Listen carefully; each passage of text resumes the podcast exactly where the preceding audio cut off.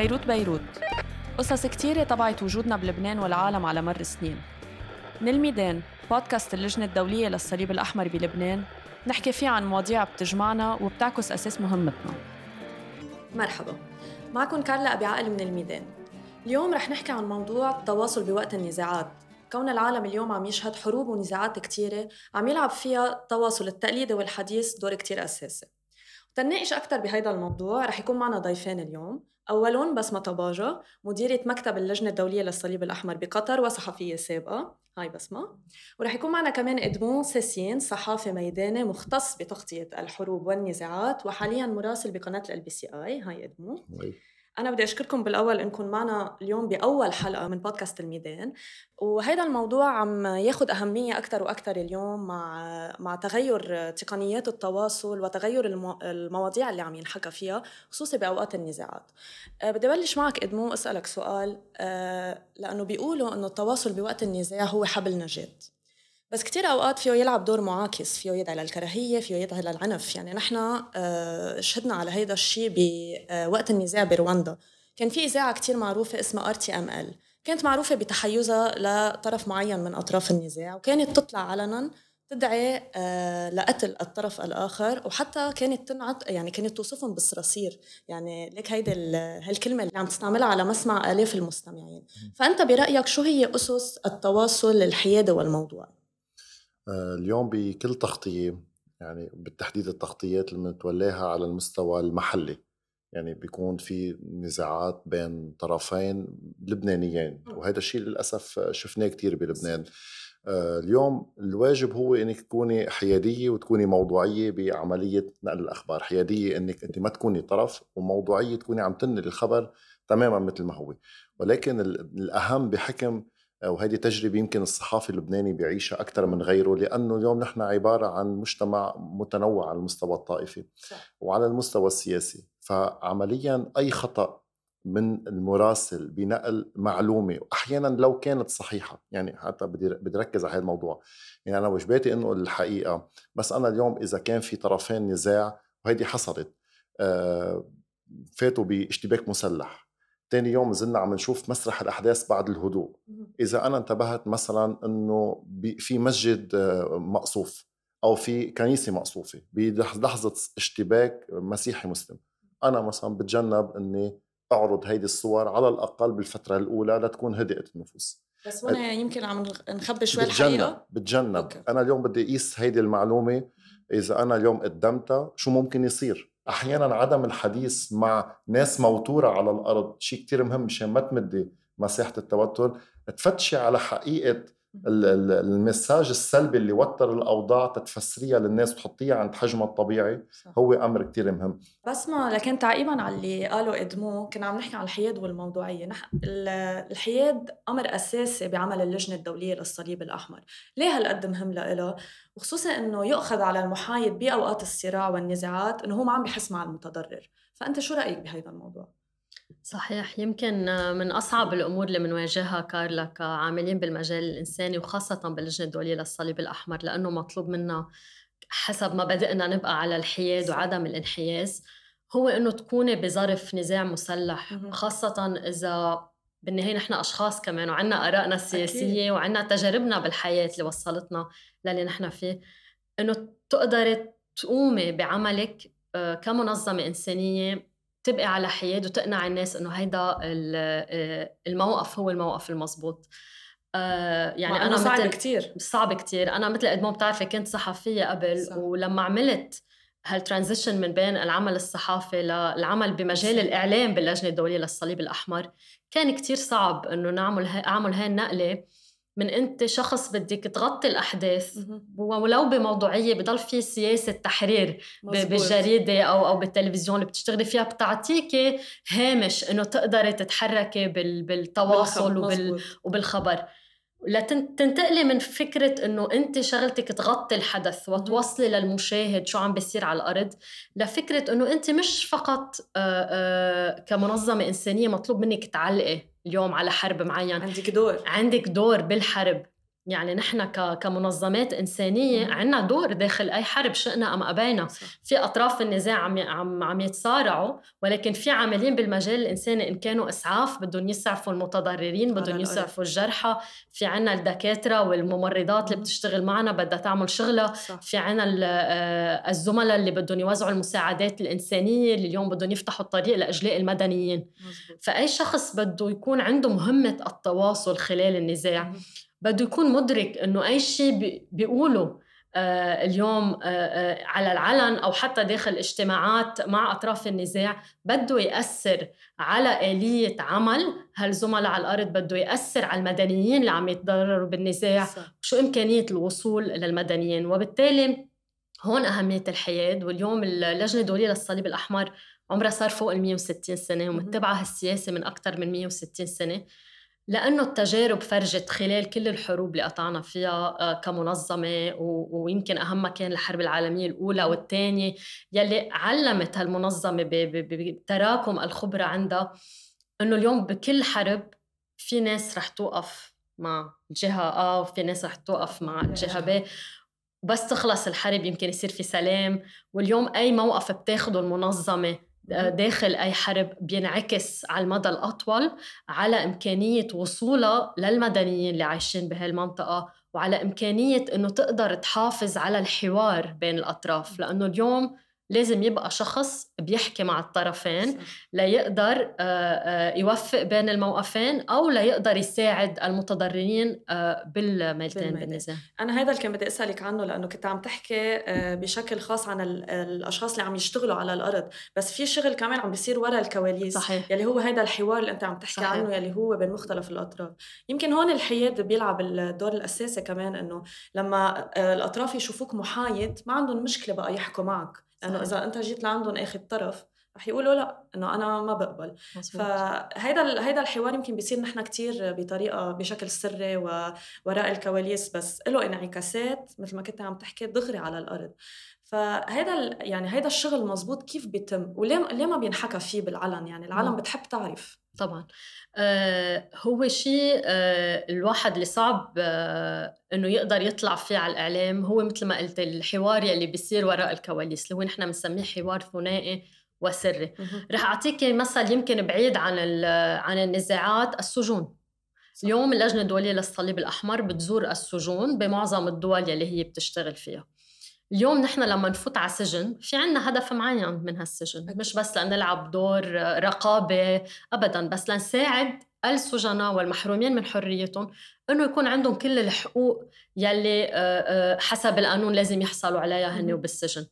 اليوم إذا نحن فتنا على سجن معين ببلد معين وطلعنا دغري تاني نهار على الإعلام وقلنا هيدا السجن آه، الوضع فيه مش منيح هيدا السجن فيه تعذيب هيدا السجن والله السجناء ما عم ينعطوا وقت يظهروا يشوفوا الشمس مش عم يحترم القانون ما عم يحترم القانون الأكل فيه ما منيح. ثاني نهار بتجي الدولة بتقول okay merci au revoir أنتم بطلتوا مسموح تفوتوا تزوروا هيدا السجن. مين تضرر فعليا؟ نحن يمكن عملنا سبق آه، صحفي وطلعنا وحكينا والعالم عملت share وريتويت للبوست تبعنا. بس نحن اليوم إذا بطلنا مسموح إلنا نفوت على السجن مرة تانية وثالثة ورابعة لنقدر نساعد السجناء لنقدر نحسن الوضع بالسجون اللي بيتأثر هو السجين اليوم في أسباب عدة يكون السجن فيها مش ماشي مزبوط. يمكن الدولة عندها النية بس ما عندها الإمكانيات المادية. صحيح. هون اللجنة الدولية يمكن تكون عم بتساعد آه، بالمياه بالبنى التحتية بتعرفي مثلا مثل لبنان نحن كتير بنساعد بالسجون. وبالتالي الحوار على مدى خمسة سبعة عشر سنين مع السلطات دايما بحسن الوضع داخل السجون. نفس الشيء بيصير بالنزاعات المسلحة.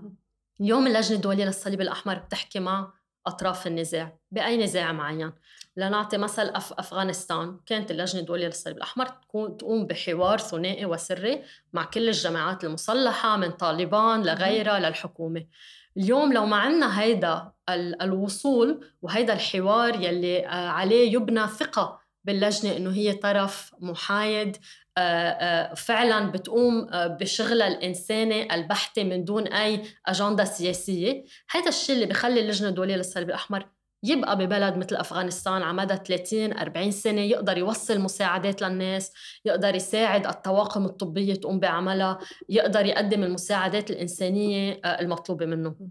يعني اللي قلتيه كتير مهم لأنه كمان ذكرتي كلمة ال scoop إنه في كتير أوقات ال scoop وأنت أكيد ادرى ادمو بمجالك ال scoop هلأ كتير عم ياخد أهمية على آه، إذا فينا نقول يعني نوعا ما الأخلاق المهنية ببعض المطارح حرمة الأموات ببعض المطارح يعني وين هيدا الخط اللي بيفصل بين ال scoop والحقيقة؟ يعني وخصوصا إنه هلأ نحن بما إنه كلنا على ال social media ما عم بيكون في قيود. يعني نحن كل يوم بنفتح بنشوف دم بنشوف أشخاص بنشوف وجوه الأشخاص اللي مقتولة بنشوف أطراف مقطوشة. يعني مناظر كتير بشعة وهيدا شيء يعني يعني كأن الموت حتى ما بقى له حرمة مثل ما بيقولوا.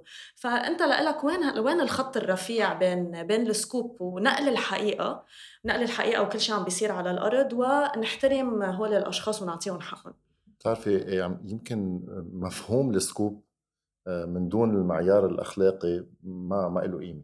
لأنه بس تعتمدي المعيار الأخلاقي والمهني حتى آه، بتكوني انت عم بتقدمي سبق صحفي ولكن آه، مجرد من أي هامش خطأ على المستوى الأخلاقي. اعطيكي عدة أمثلة. اليوم مثلا أنا فوت على مسرح جريمة وصارت معنا بعالم الشعب. طيب طيب اليوم في في ناس مجروحة في ناس جسدها يعني الشظايا آه، لاقط فيها. آه، شخص مقتول بأبشع طريقة قدامك. طب أنا اليوم أنا عملت عملت السبق يمكن إني فتت عم بنقل هيدي الصورة للمشاهد. بس أنا ما فيني أعتمد المعيار الأخلاقي إنه ما فرجي إنسان آه، جاي الأزيفة فيه وعاملة كل البشاعة اللي اللي موجودة. طب أنا ما بدي أتخيل أي إنسان بعيد عنه. بدي أتخيل إنه أمه عم تحضر هذا التلفزيون. وفتحت وأنا عم فرجيها صورة ابنها بهيدي الصورة. أو عم فرجي صورة زميلي لأن مثلا جاي الشظايا فيها وهي عم تتوجع عم تتألم وجسدها عم بيحترق. إنه أنا شو السكوب اللي بكون عم قدمه؟ يعني قديش هون قديش بتكوني أنت مدخلة المعيار الاخلاقي الأخلاقي بتغطياتك على قد ما أنت بتكوني عم تحترمي المشاهد عم تحترمي المعيار الإنساني وعم بتقدمي صورة نظيفة نظيفة بمعنى إنه أنا عملت واجباتي المهنية عملت واجباتي وقلت إنه في مجموعة من الصحفيين استهدفوا بس بذات الوقت عملت واجباتي الأخلاقية إنه أنا ما قدمت الصور اللي ممكن تأذي مشاعر أي إنسان مش حتى الأهل. وبالتالي هون إذا أنا التزمت بهذا الموضوع بكون قدمت وفقت ما بين السبق وما بين المعيار الأخلاقي. يعني أنت برأيك هيدا شيء يعني ما فيه يضيف لمثلا تفرجي أنت فظاعة اللي عم بيصير على الأرض؟ لأنه يمكن كمان هيدا الشيء بيحشد رأي عام بيحشد مساعدات. يعني أوقات العالم بتستعملها لحملات. ببعض المحلات في هيدي النظرية ماشي وبالتحديد بغزة. مزبوط. يعني البعض بيقول يمكن لو ما بعض وسائل التواصل الاجتماعي وبعض وسائل الإعلام نقلت الصورة مثل ما هي يمكن ما قدرت خلقت رأي عام ضاغط أو متعاطف مع آه، بعض يعني يعني مع الفلسطينيين بغزة وبالتحديد الأطفال اللي سقطوا النساء اللي المدنيين اللي تعرضوا الصحفيين ال 120 اللي انقتلوا. فيمكن البعض بيقول هيدي نظري. أنا يعني أنا مصر على الالتزام بالمعيار إنه أنا ما أنقل صورة آه، أشلاء ما أنقل صورة دم لأنه الدم حتى بالنزاعات المسلحة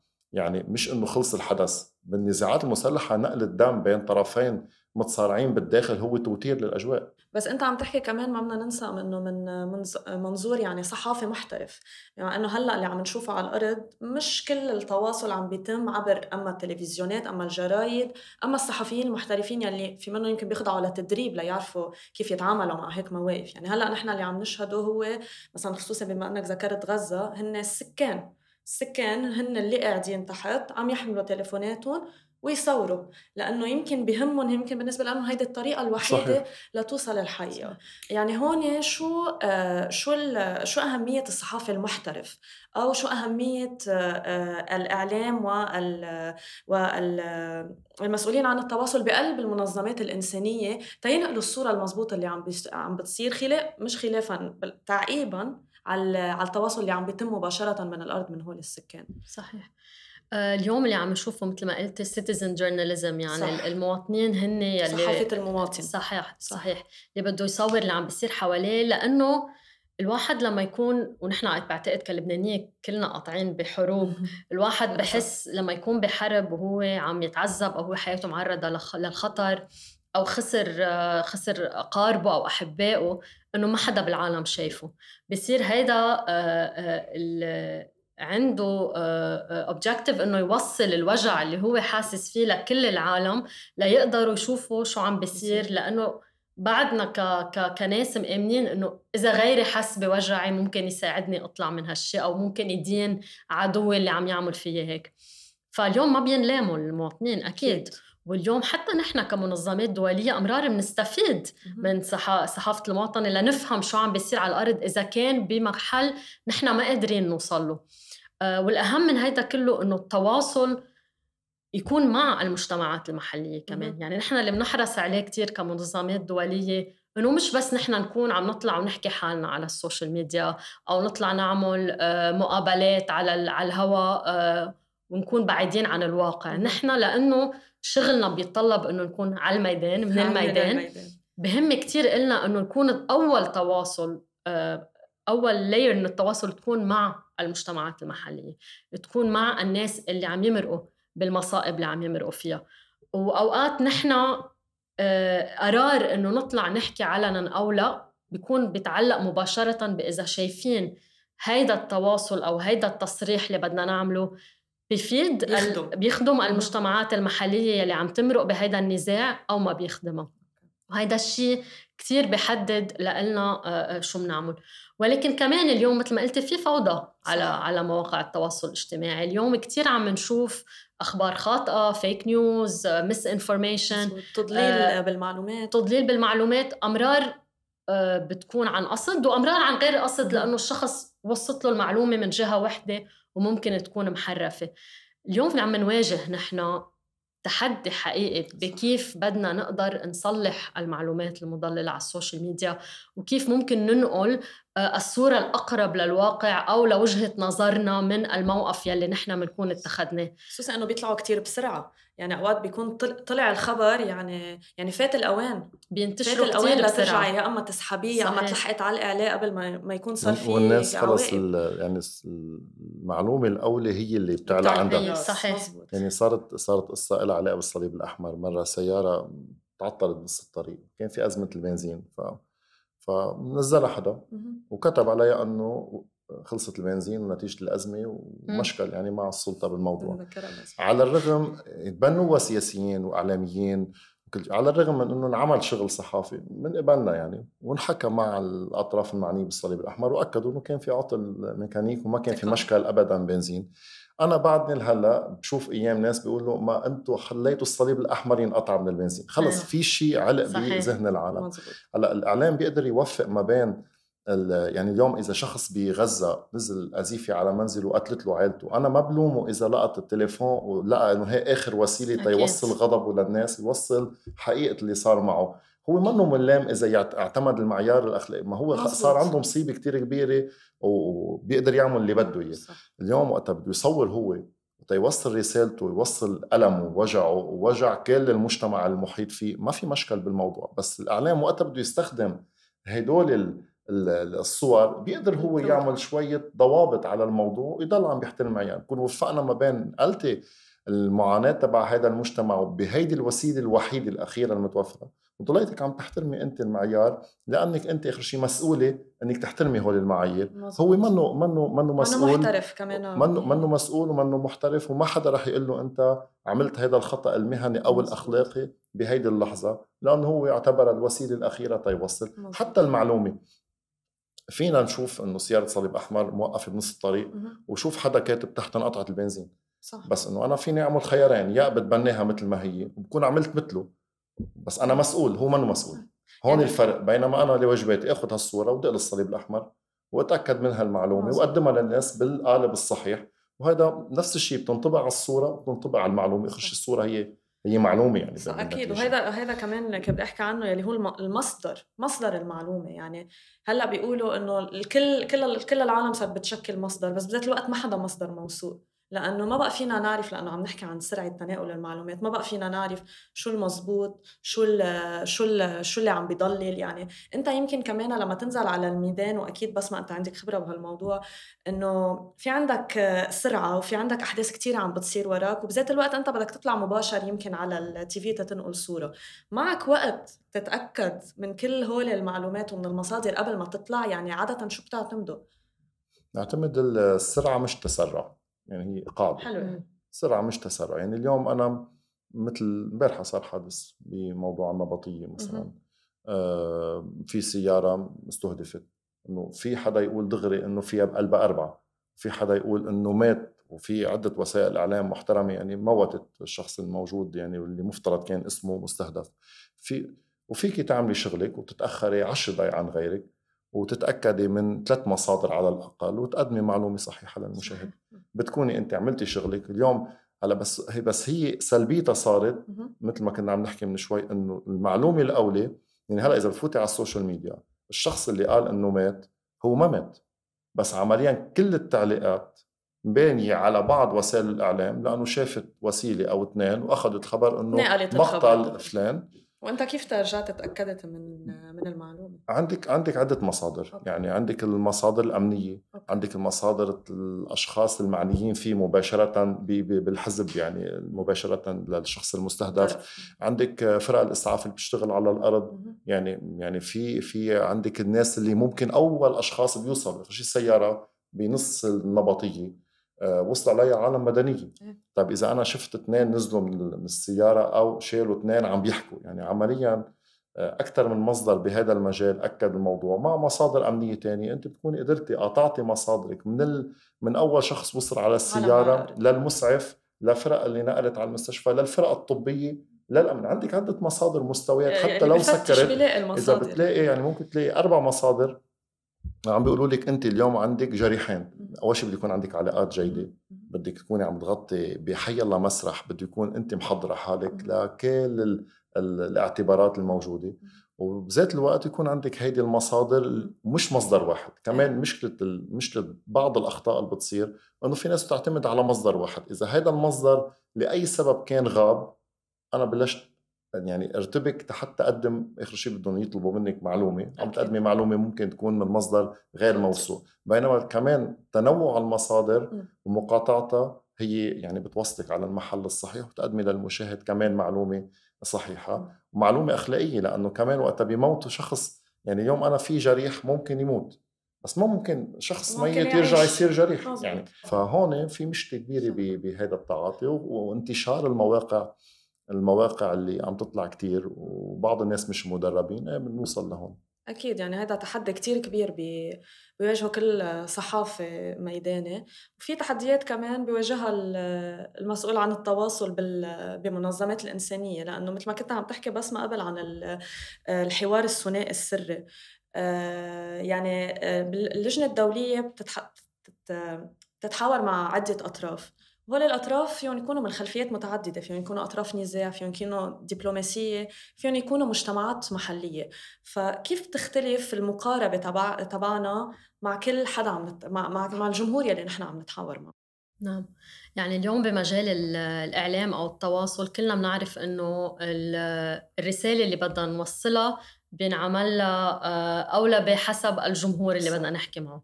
في رسالة آه، أفضل شيء تتوصل عبر الإعلام المرئي على الأخبار في رسائل أفضل توجه عبر السوشيال ميديا حسب كمان الفئة العمرية.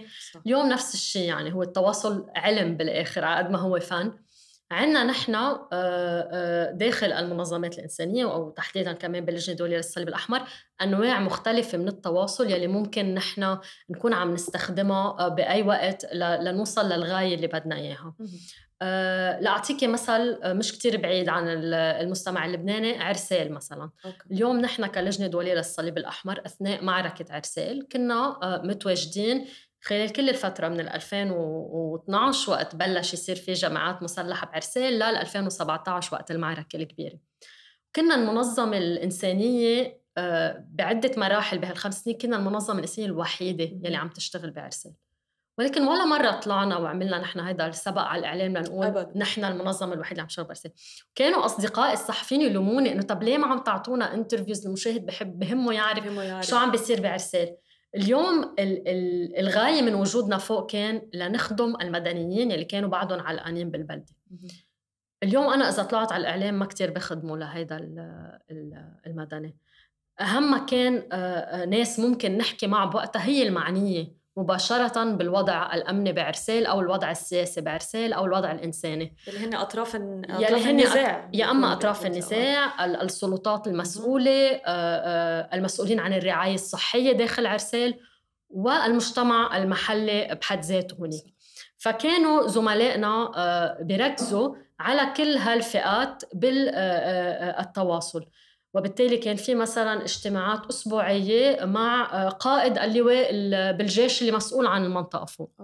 لأنه اليوم أنت إذا ما عندك علاقة مباشرة مع آه، المسؤولين الأمنيين ما عندك وصول لهالمنطقة ما عندك الضوء الأخضر إنك تقدري تفوتي وتطلعي. بطواقمك الضوء الأخضر إنك تقدري تفوتي مساعدات بهذا الوضع الأمني الحساس.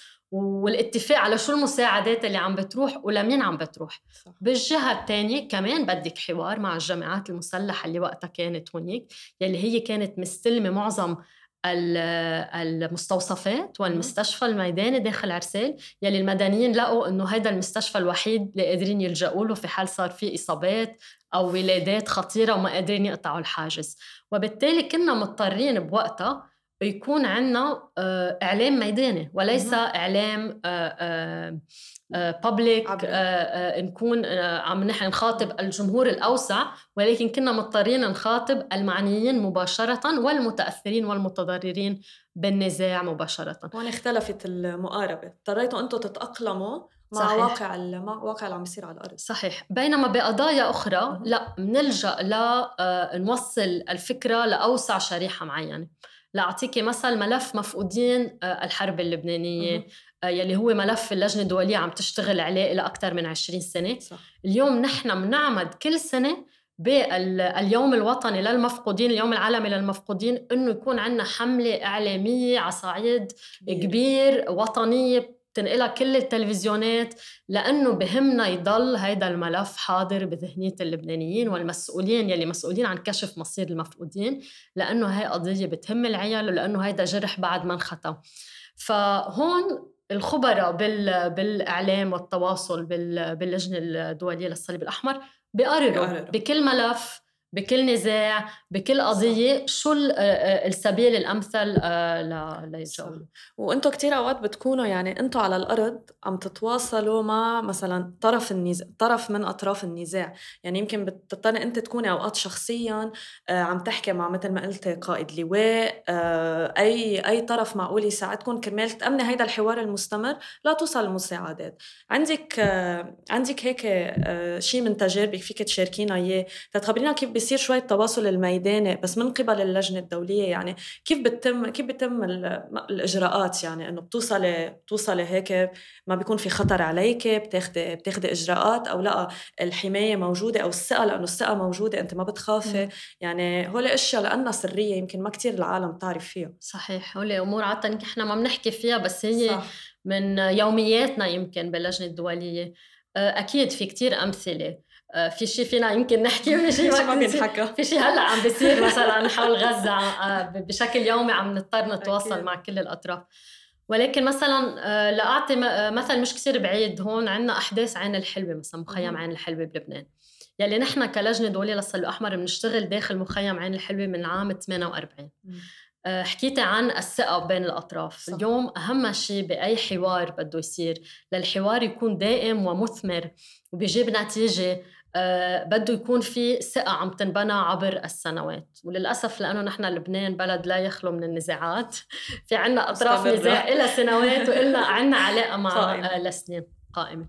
فاليوم مثلا لما صارت آخر جولة آه، آه، أحداث أو معارك بمخيم عين الحلوة كان في عنا نحن موظفين عم تضطر تفوت آه، بشكل أسبوعي على المخيم هي والأحداث عم بتصير.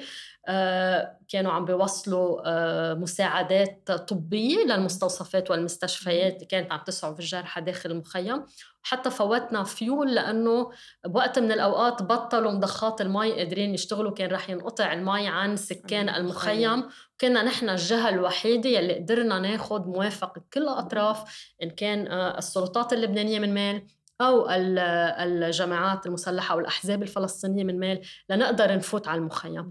هون الشغل الميداني لزملائنا يلي هن بيكونوا أصلا بتواصل دائم مع هول الجماعات. يعني إحنا ما بينقطع. ما بينقطع. ما بننطر حرب تصير لنبلش نفتح علاقات. يعني تكونوا جاهزين في حل 100% يعني أكيد إذا في حرب بلشت وبلش معها التواصل مع أو بلش مع طرف نزاع جديد مثلا مثل مثل ما صار مع داعش مثلا. أكيد. كان كان طرف جديد ما كان عندنا ابدا تجربة معه اضطرينا إنه نشوف كيف بدنا نبلش. بس لما نكون لنا زمان ببلد معين مثل لبنان وعندنا تواصل فترة أو مثل بغزة عندنا تواصل عمره عقود مع أطراف النزاع.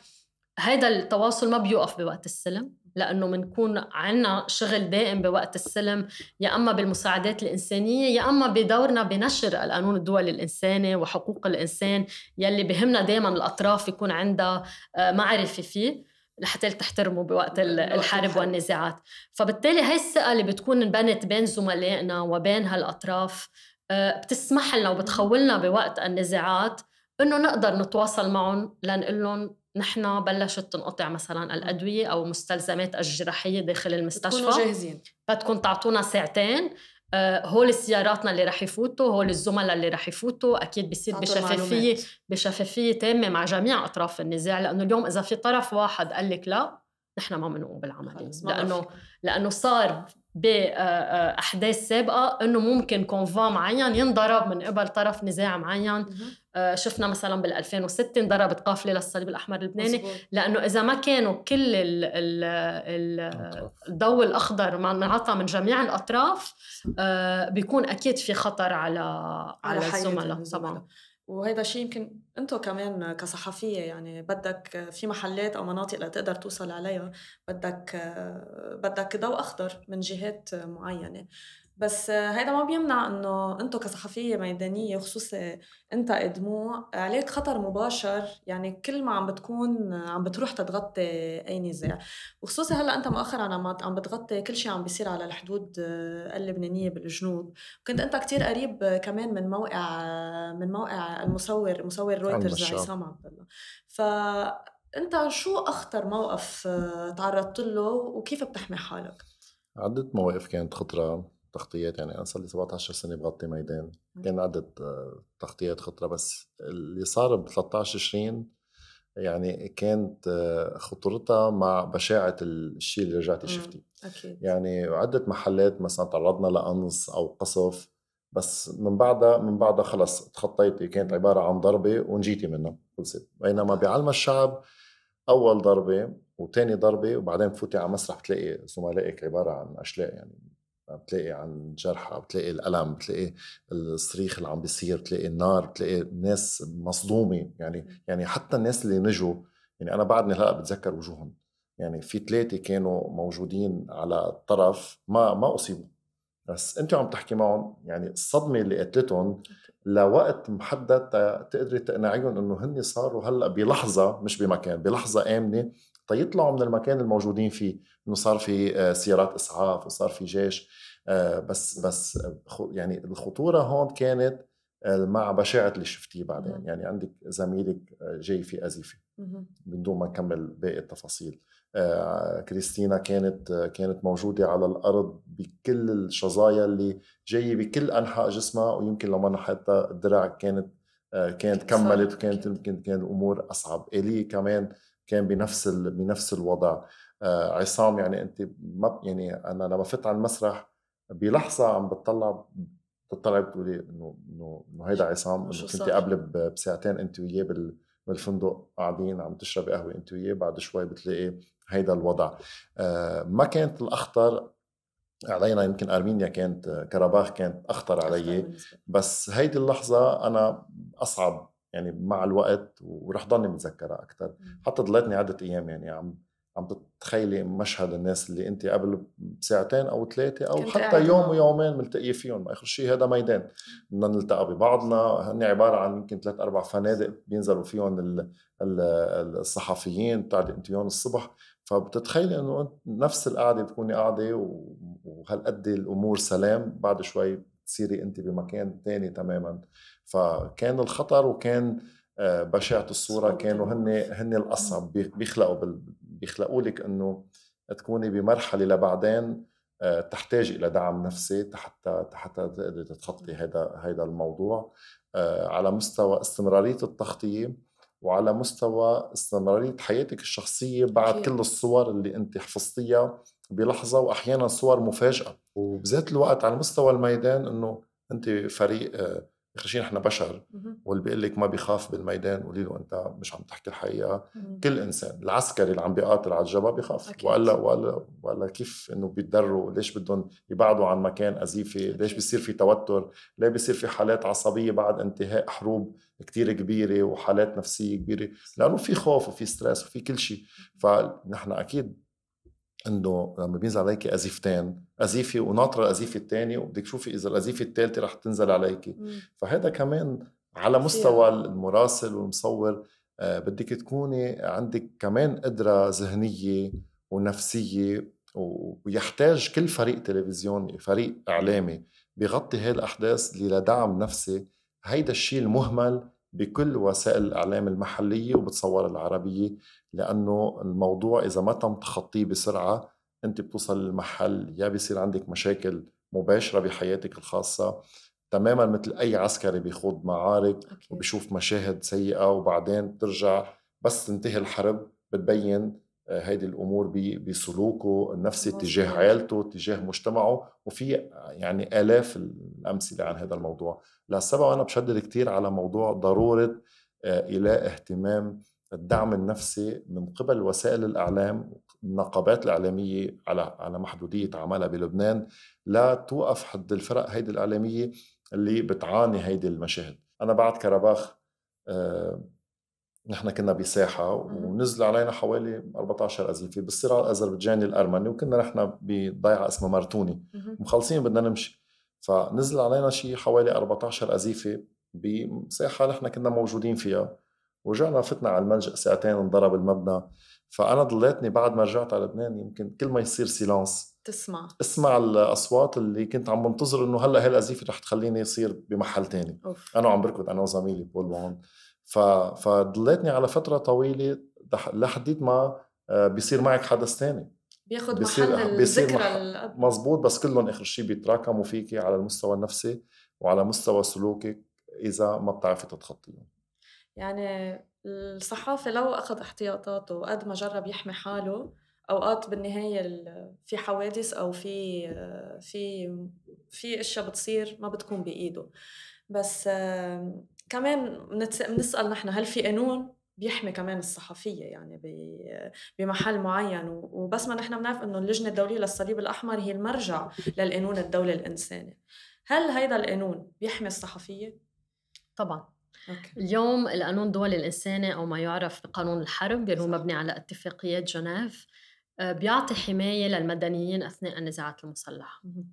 بيعطي حماية للمتوقفين عن النزاع إن كانوا آه، مثلا عسكري توقف لأنه انجرح أو لأنه أسر آه، وبيعطي حماية للمنشآت المدنية أو آه، الأعين المدنية والثقافية والتراثية.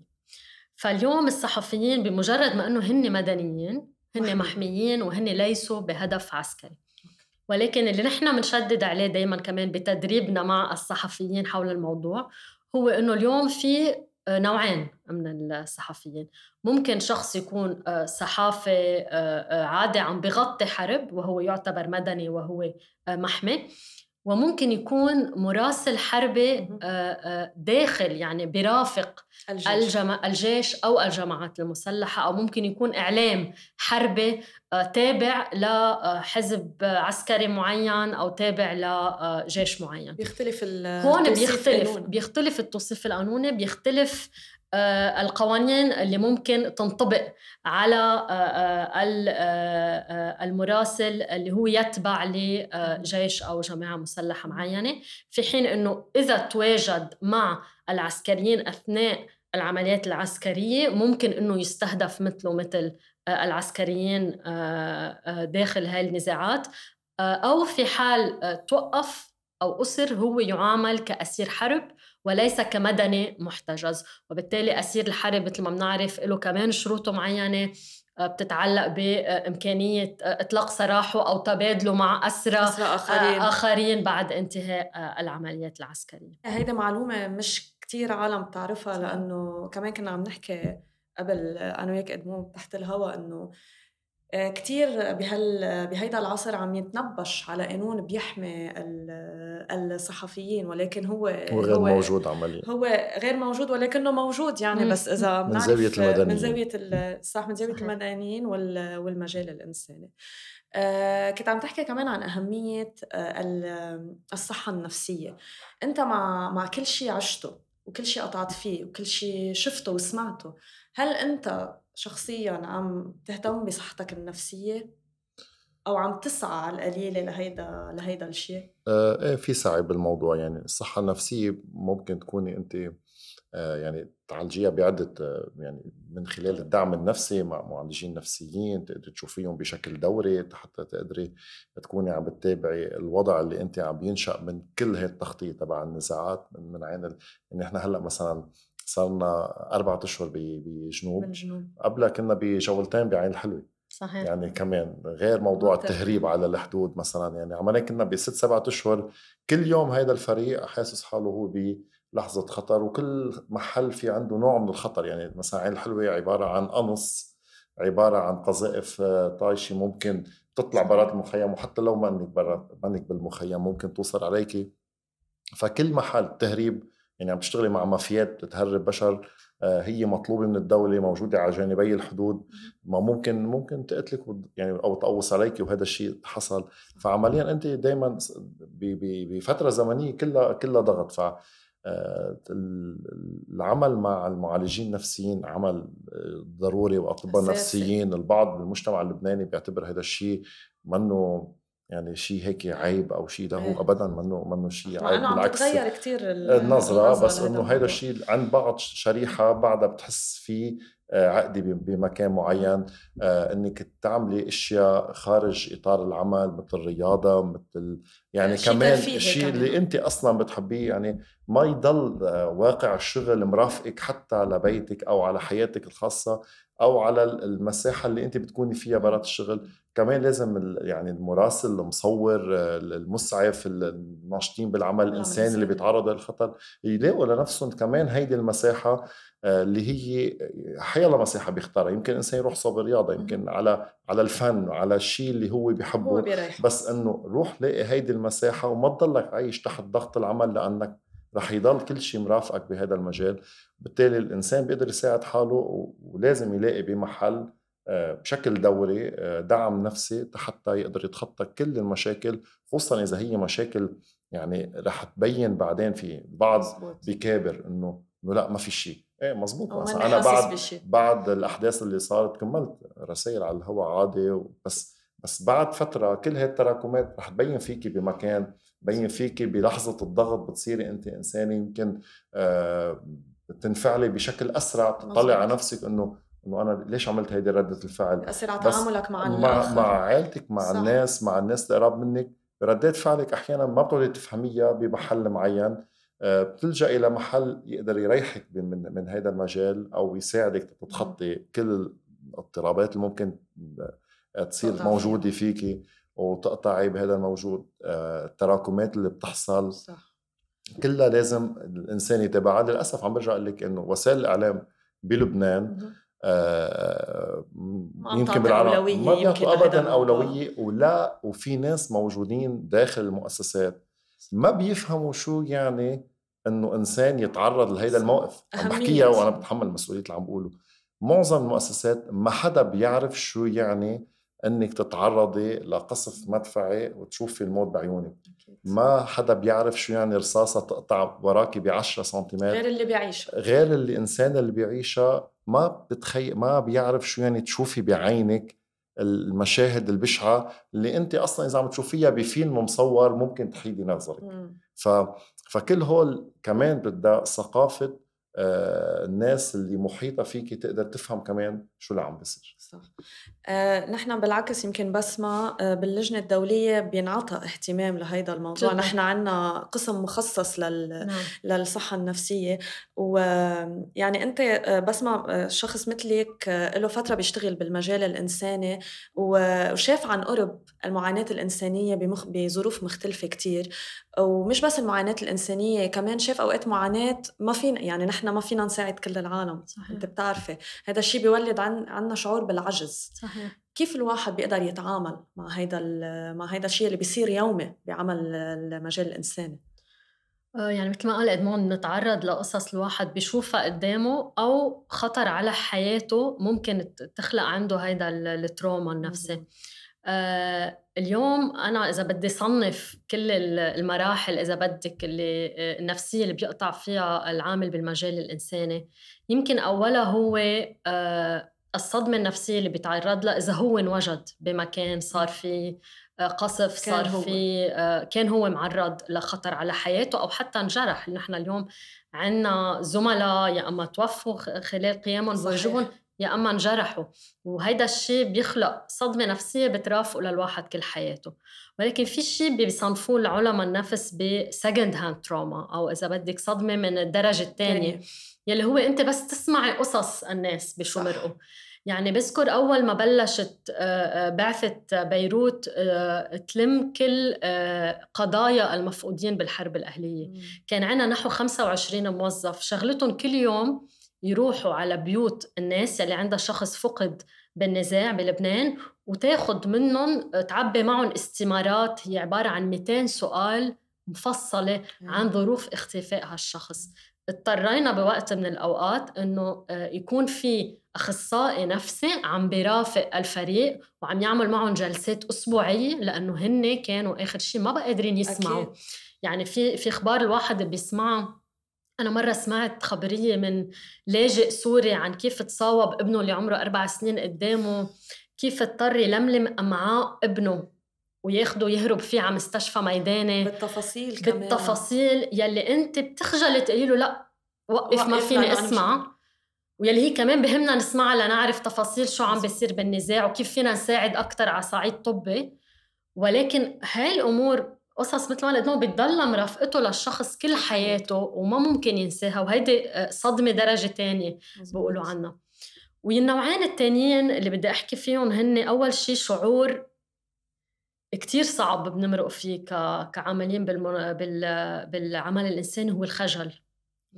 اليوم أنت بتقعدي قدام شخص أنت ما لك عين تقولي آه أنا آه نفسيتي تعبانة. صح. لأنه عم شوف شو عم بيصير بغزة مثلا. لأنه وين وين وين نحن أنت وين الشخص اللي عم بيعيش المدنيين اللي عم بيعانوا. أو إنه بس نحكي مع زملائنا اللي بعدهم داخل غزة وعم يشتغلوا يلي عيالهم يمكن قتلوا تهجروا ولكن هن مضطرين كل يوم ينزلوا على الشغل مضطرين. يعني عندنا زميلنا هشام هنا نوجه له تحية اللي هو اللي هو الناطق الرسمي باسم المنظمة بغزة. أنا كل ما اسمع وعم يحكي بقول كيف بعده قادر. صح. وعم يطلع من الأرض وعم يطلع من الأرض وعائلته تأثرت وهو مأثر بكل اللي عم بيصير. اليوم هيدا الشعور نحن آه، اللي بتحسي إنه أنت ما عندك حق إنه تهتمي بصحتك النفسية أو إنه تقولي إنه أنا مأثرة أو تعبانة نفسيا تفكري بحالك حتى. لأنه عم بتشوفي اللي أنت واجبك آه، اللي انت عم تقبضي معاش لتساعديهم وضعهم قد إيه أصعب من وضعك. والثالث هو اللي قلتي عنه كارلا اللي هو الشعور بالذنب. يعني عندنا شعور بالخجل وعندنا شعور بالذنب لما نحن ما نقدر نوصل للكل. يعني اليوم نحن عارفين إنه في كتير مناطق نزاع بالعالم. نحن ما عنا آلية لنقدر نوصل لها يا أما لأنه الوضع الأمني ما بيسمح يا أما لأنه ما عنا الإمكانيات. وهيدا الشعور بعتقد برافق الشخص كل, حي. كل حياته. عنا زملاء مثل ما بتعرفي شغلتهم بس يردوا على الخط الساخن. صح. كمية الاتصالات يلي بتجيهم أمرار يعني قطعنا بالوضع الاقتصادي الصعب مثلا بلبنان يلي كان يجينا اتصالات من ناس يقولوا لنا طب أنا ما بقى معي طعم أولادي ونحن ما عم نقدم هاي المساعدات لأنه نحن عم نشتغل بأوقات النزاع ويمكن الأزمة الاقتصادية مش ما بتنطوي تحت يعني صلاحياتنا. شو صعب تقولي لا لطلب وأنت بتعرفي زملائنا قد إيه مرقوا بهيدا الوضع الصعب وبعدهم عم يمرقوا. صح. وهيدا كله اليوم نحن مثل ما قلتي من كابر أمرار على حالنا بنقول إنه لا هيدا this is part of the job هيدا جزء من شغلي أنا ما بحق لي هيدا الشيء لازم أعمله. بس بيوصل الواحد لمحل له حق على نفسه. ومن هون مهم إنه يكون في ثقافة داخل المؤسسة تعطي أهمية للصحة النفسية وبتجبر تجبر العاملين داخلها إنه يقوموا يا إما بدورات أو يكونوا تدريبات, تدريبات أو يكون عندهم بشكل دوري حصص مع أخصائيين نفسيين. اليوم نحن باللجنه الدوليه بنصنف المناطق اللي بنشتغل فيها حسب خطورتها وحسب الوضع فيها. ففي عنا تصنيفات من 0 ل 3 فبنوصل على محل إذا أنت عم تشتغلي بمحل اللي هو مصنف 3 مثل مثلا أوكرانيا أو أو أو غزة هلا. يعني أقصى درجة أقصى, أقصى درجة. الموظف مجبور كل ست أسابيع يظهر من البلد لمدة 3 4 أيام ياخذ نقاهة ويرجع يفوت. لأنه إذا ما ساعد حاله ما في ساعد غيره مثل ما بيقولوا على الطيارة على طول بيقولوا لك إذا صار شيء ساعد ساعد حالك تقدر تساعد اللي حدك. صحيح. فهذا ذات الشيء بينطبق. بأوقات الحرب عادة العالم بتكون عم تهرب من الأزيفة والعامل بالمجال الإنساني بيكون عم يركض صوبة. صحيح. هل أنت برأيك في قضية إنسانية تستاهل تموت كرمالها بعتقد كل قضية إنسانية الواحد بيستاهل يموت كرمالها آه، هيدا خيار الواحد بياخده لأنه بيكون جزء من بعتقد منظومته الفكرية. آه، في كتير ناس بيسألونا شو صاير عليكم لما صح. يسمعوا لوين رايحين المناطق اللي بنفوت عليها. أه بعتقد وهذا الشيء بينطبق كمان يمكن على المراسلين اللي بغطوا الحروب. أه في محل من المحلات لما تشوفي شيء ألام هالقد عم بتصير أو حدث بهالأهمية عم بيصير في شيء بداخلك بحثك إنك تكوني جزء من حل معين لهيدي المشكلة. آه، اللي بي شوي يمكن بخفف عن آه، القلق اللي بنعيش فيه إنه بنعرف إنه في منظمة ورانا اخذه الإجراءات لتحمينا اللازمة وفي مع الخبرة الواحد بيعرف شو الخطوات اللي لازم يعملها ليكون إلى حد ما آه، بأمان. ولكن أكيد أكيد أكيد بعتقد كل قضية إنسانية بنشتغل فيها هو الواحد بحق بحق إنه يخاطر كرمالها. ادمو رح أسألك ذات السؤال. يعني العالم بتكون عم تهرب بالحرب من الأزيفة وأنت راكد صوبة. بتلاقي أنت في خبر تستاهل بيستاهل تموت كرماله. بتعرفي الصحافي ممكن يموت مش بس بأزيفة أو برصاصة أو بتغطية ميدانية ممكن يكون بسعيه لكشف حقيقة متصلة بفساد بمافيات بشبكات آه، عم تعيش فساد وتاجر ببشر يعني في كتير في كتير في كتير قضايا بين التحقيق الإستقصائي والتغطية الميدانية فيك تعملي كتير شغل ممكن يوصلك للموت وهذا الشيء حصل مع صحفيين بالميدان أو بالعمل الإستقصائي لكشف حقائق ما كان بدها تكشفها مؤسسات أو سلطة أو مافيات أو شبكات. آه، كل قضية طالما عم تشتغلي بالصحافة آه، بياخدك شغفك آه، إنك تشتغلي كرمالها. إذا عم تشتغلي صحافة كرسالة مش كمجرد وظيفة. كل قضية آه، كل تغطية بياخدك شغفك إنك تروحي توقفي بمكان ممكن ينزل فيه أزايف. آه، كل قضية مفترض تخاطري كرمالها ويكون في هامش معقول حتى تجيبي الحقيقة والصورة وتكشفي كل شيء ممكن ينكشف بأي قضية فساد حتى. بس بالآخر أنا بلاقي إنه ما في ولا قصة. ولا قصة بالعالم تستاهل حياة مصور أو مراسل بس كل قصة بتستاهل إنك تشتغلي كرمالها. من هون التوفيق بيناتهم إنك تضلك عم تاخدي كل الأحتياطات والإجراءات اللي هي ممكنة ومعقولة حتى تكوني بنقطة أنت بتعتبريها آه، آمنة مش انتحار. وما في قصة بتستاهل حياة حدا ابدا. هلأ رح ننتقل لآخر لآخر جزء. نحن في شيء عنا باللجنة الدولية اسمه رسائل الصليب الأحمر. رسائل الصليب الأحمر هي رسائل كانت تنقلها اللجنة الدولية بين آه، الأشخاص يلي فرقتهم النزاعات عن بعضهم. فأنا اليوم رح أطلب منك أنت ادمو آه، تكتب لنا رسالة أنت فيك توجهها للشخص اللي بدك إياه وتحكي عن الموضوع اللي أنت بهمك آه، بهمك تضوي عنه وتخبرنا عنه ب... وتخبرنا عنه بإختصار يعني. هلا آه، هي وحده من القضايا اللي اشتغلت عليها بالإعلام وما قدرت اختمت الملف وهي قضية بتعني لي كثير على المستوى المهني والإنساني. هي قضية زميلنا المصور سمير كساب. المفقود من 15 تشرين الأول 2013 مع إسحاق مختار وعدنان عجاج اللي هو كان مساعدهم بسوريا. آه هذا الفريق فريق سكاي نيوز عربية وانفقد بسوريا من وقتها وما في أي آه يعني ما في أي معلومات آه، هلأ عن مصير يعني لا طلعوا اعلنوا الطرف اللي مفترض هو خطف آه، عن أي مصير ولا حصل معلومات. عملنا على القضية بس ممكن هي من الملفات القليلة اللي اشتغلت عليها وما وصلنا فيها لنتيجة علما إنه رحنا على الرقة ورحنا على البغوز ورحنا على الطبقة ورحنا على تركيا عملنا شغل يعني بهذا المجال. فبالنسبة لي هيدي قضية بتمنى إنه يضل في حدا يقدر يسأل عنها وينسال عن هول الناس إذا في أي معرفة عن عن مصيرهم. هي هيدي الفكرة. أنا رح أتركك لكانك تكتب الرسالة على مهلك. وأنا قبل ما أختم بدي أشكركم كثير ادمو وبسمه كنتوا ضيوفنا بأول حلقة من من الميدان وبهذا الموضوع عن جد اللي كثير مهم. نشكركم لأنكم شاركتونا خبراتكم. وأنا رح أختم بمعلومة عن اللجنة الدولية للصليب الأحمر. آه، مؤسس اللجنة الدولية للصليب الأحمر هو أنري دينا هو رجل أعمال سويسري كان تاجر قماش مشان هيك العلم اللجنة الدولية للصليب الأحمر هو أبيض مع صليب أحمر لأنه هو العلم السويسري مقلوب تكريما لأنري دينا من الميدان بودكاست اللجنة الدولية للصليب الأحمر بلبنان. محطة شهرية لتكتشفوا قصص ما انحكت تابعونا على منصات البودكاست ومواقع التواصل الاجتماعي. Over and out.